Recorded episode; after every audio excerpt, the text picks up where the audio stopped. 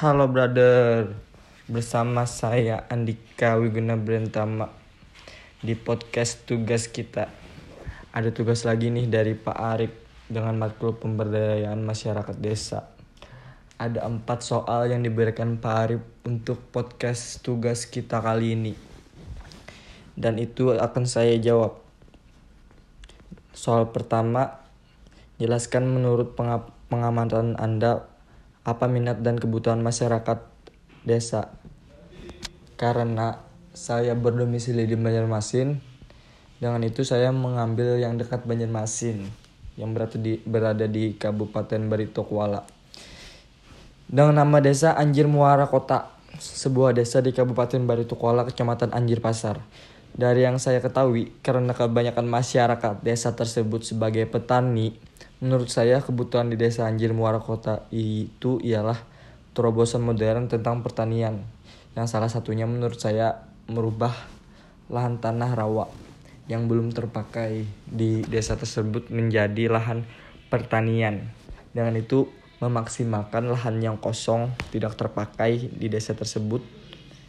Dengan program tersebut akan membuat lebih banyak lahan yang bisa menghasilkan beras yang menjadi pangan kita sehari-hari. Itu jawaban nomor satu dari saya. Dan soal yang kedua pada suatu desa terdapat sumber daya alam. Jelaskan yang ber, yang berpotensi menjadi objek wisata. Namun masyarakat desa tersebut belum memanfaatkannya untuk aktivitas pariwisata. Jika saya berada di desa tersebut maka yang akan di, dilaksanakan kalau saya menjadi orang di desa tersebut.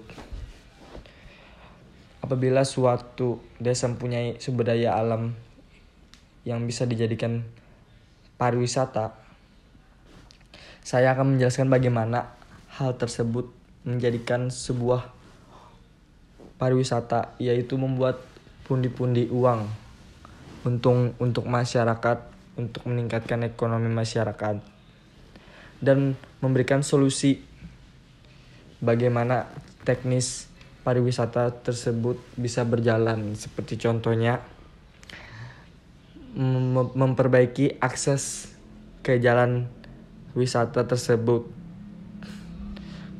Karena yang diperkirakan orang-orang itu adalah akses yang pertama Kiap bagaimana nih? Kiap nih? Akses kita ke sana ngalih ke jalannya nyaman ke jalannya? Nah karena apabila nyaman lebih banyak presentasi buat presentasi persenan buat orang tersebut ke objek wisata tersebut dong. Dengan itu akses ialah utama menurut saya. Yang kedua yang kedua masyarakat desa bisa menyiapkan penginapan. Maksud dari penginapan tuh tidak mesti membuat bangunan tersebut untuk di khusus di sebuah penginapan karena pariwisata itu tergantung hari dan tanggal liburnya seseorang. Menurut saya untuk penginapan tersebut bisa saja dari rumah kita sendiri yang kita sewakan ke orang. Dengan itu kita memberi mendapatkan sedikit uang dari menyewakan rumah tersebut. Terus bagaimana kita tidur kalau rumah disewakan? Ya tinggal di rumah tetangga, beri atau di rumah keluarga terdekat. Seperti itu. Jawaban nomor dua dari saya. Nomor tiga. Soalnya pada suatu desa terdapat masyarakat yang sangat beragam, berbeda agama, berbeda suku, berbeda bahasa dan berbeda kerataan sosial lainnya. Kemudian pada suatu peristiwa terjadilah konflik yang besar yang mana antar masyarakat bertikai. Sebagai pemuda terse desa tersebut, maka yang bisa saya lakukan adalah mungkin apabila konfliknya untuk orang dewasa agak sulit saya untuk memberikan solusi men atau menengahi konflik tersebut. Tapi apabila saya bisa memberi memanu, menengahi konflik tersebut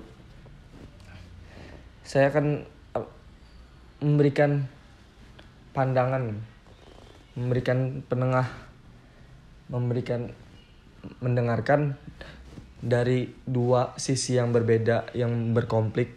Yang sisi pertama saya akan mendengarkan dan menjelaskan ke orang kedua dan sebaliknya juga saya akan mendengarkan pendapat orang kedua dan memberi memberikan pendapat tersebut ke orang pertama dengan tidak adanya emosi. Nah, untuk itu kita sebagai penengah bisa memberikan solusi apabila tetap emosi itu tidak akan memberikan solusi.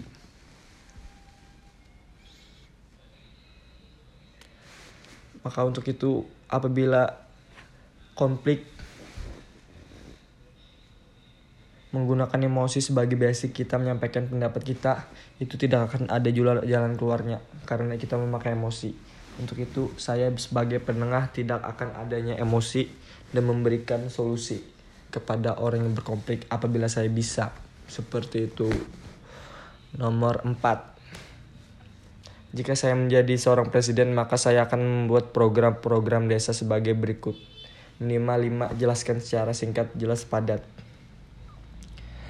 Untuk itu jika saya menjadi presiden saya akan saya akan membuat program yang menurut saya bagus untuk dikembangkan apabila memungkinkan untuk dikembangkan. Seperti yang pertama, mungkin semua desa di Indonesia mempunyai karakteristik yang berbeda. Dengan itu sebuah desa mempunyai keunggulan masing-masing. Dengan menurut saya sebagai camat atau kabupaten di desa tersebut bisa memaksimalkan peluang keunggulan desa tersebut. Contohnya ada beberapa desa penghasil batik. Dengan itu pemerintah itu sebagai contoh. Ada desa penghasil batik.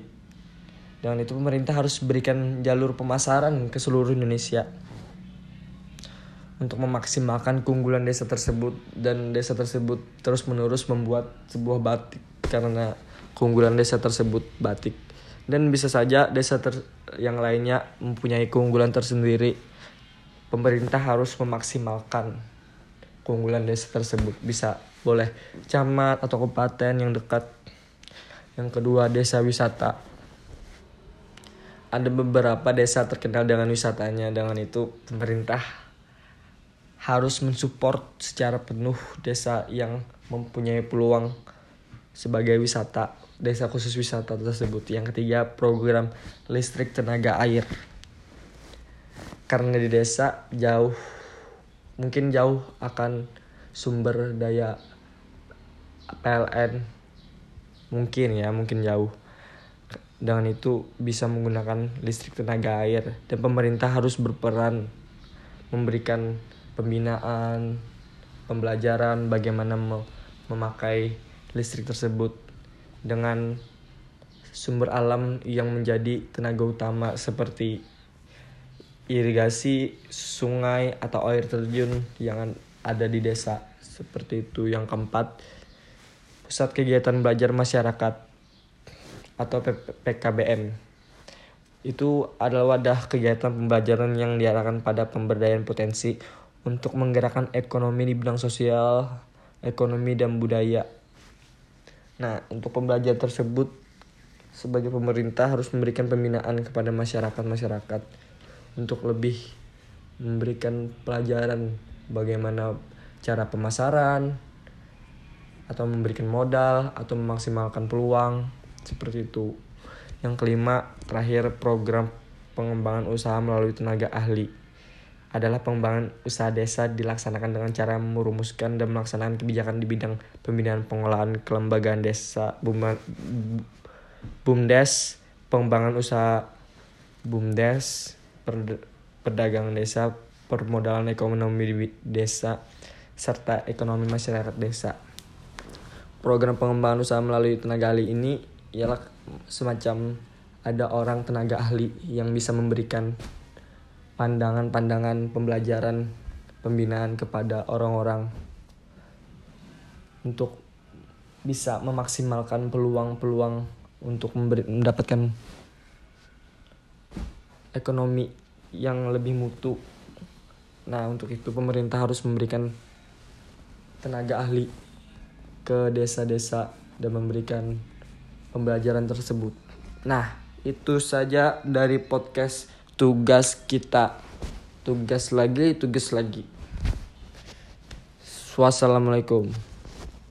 Saya Andika undur diri. Brr.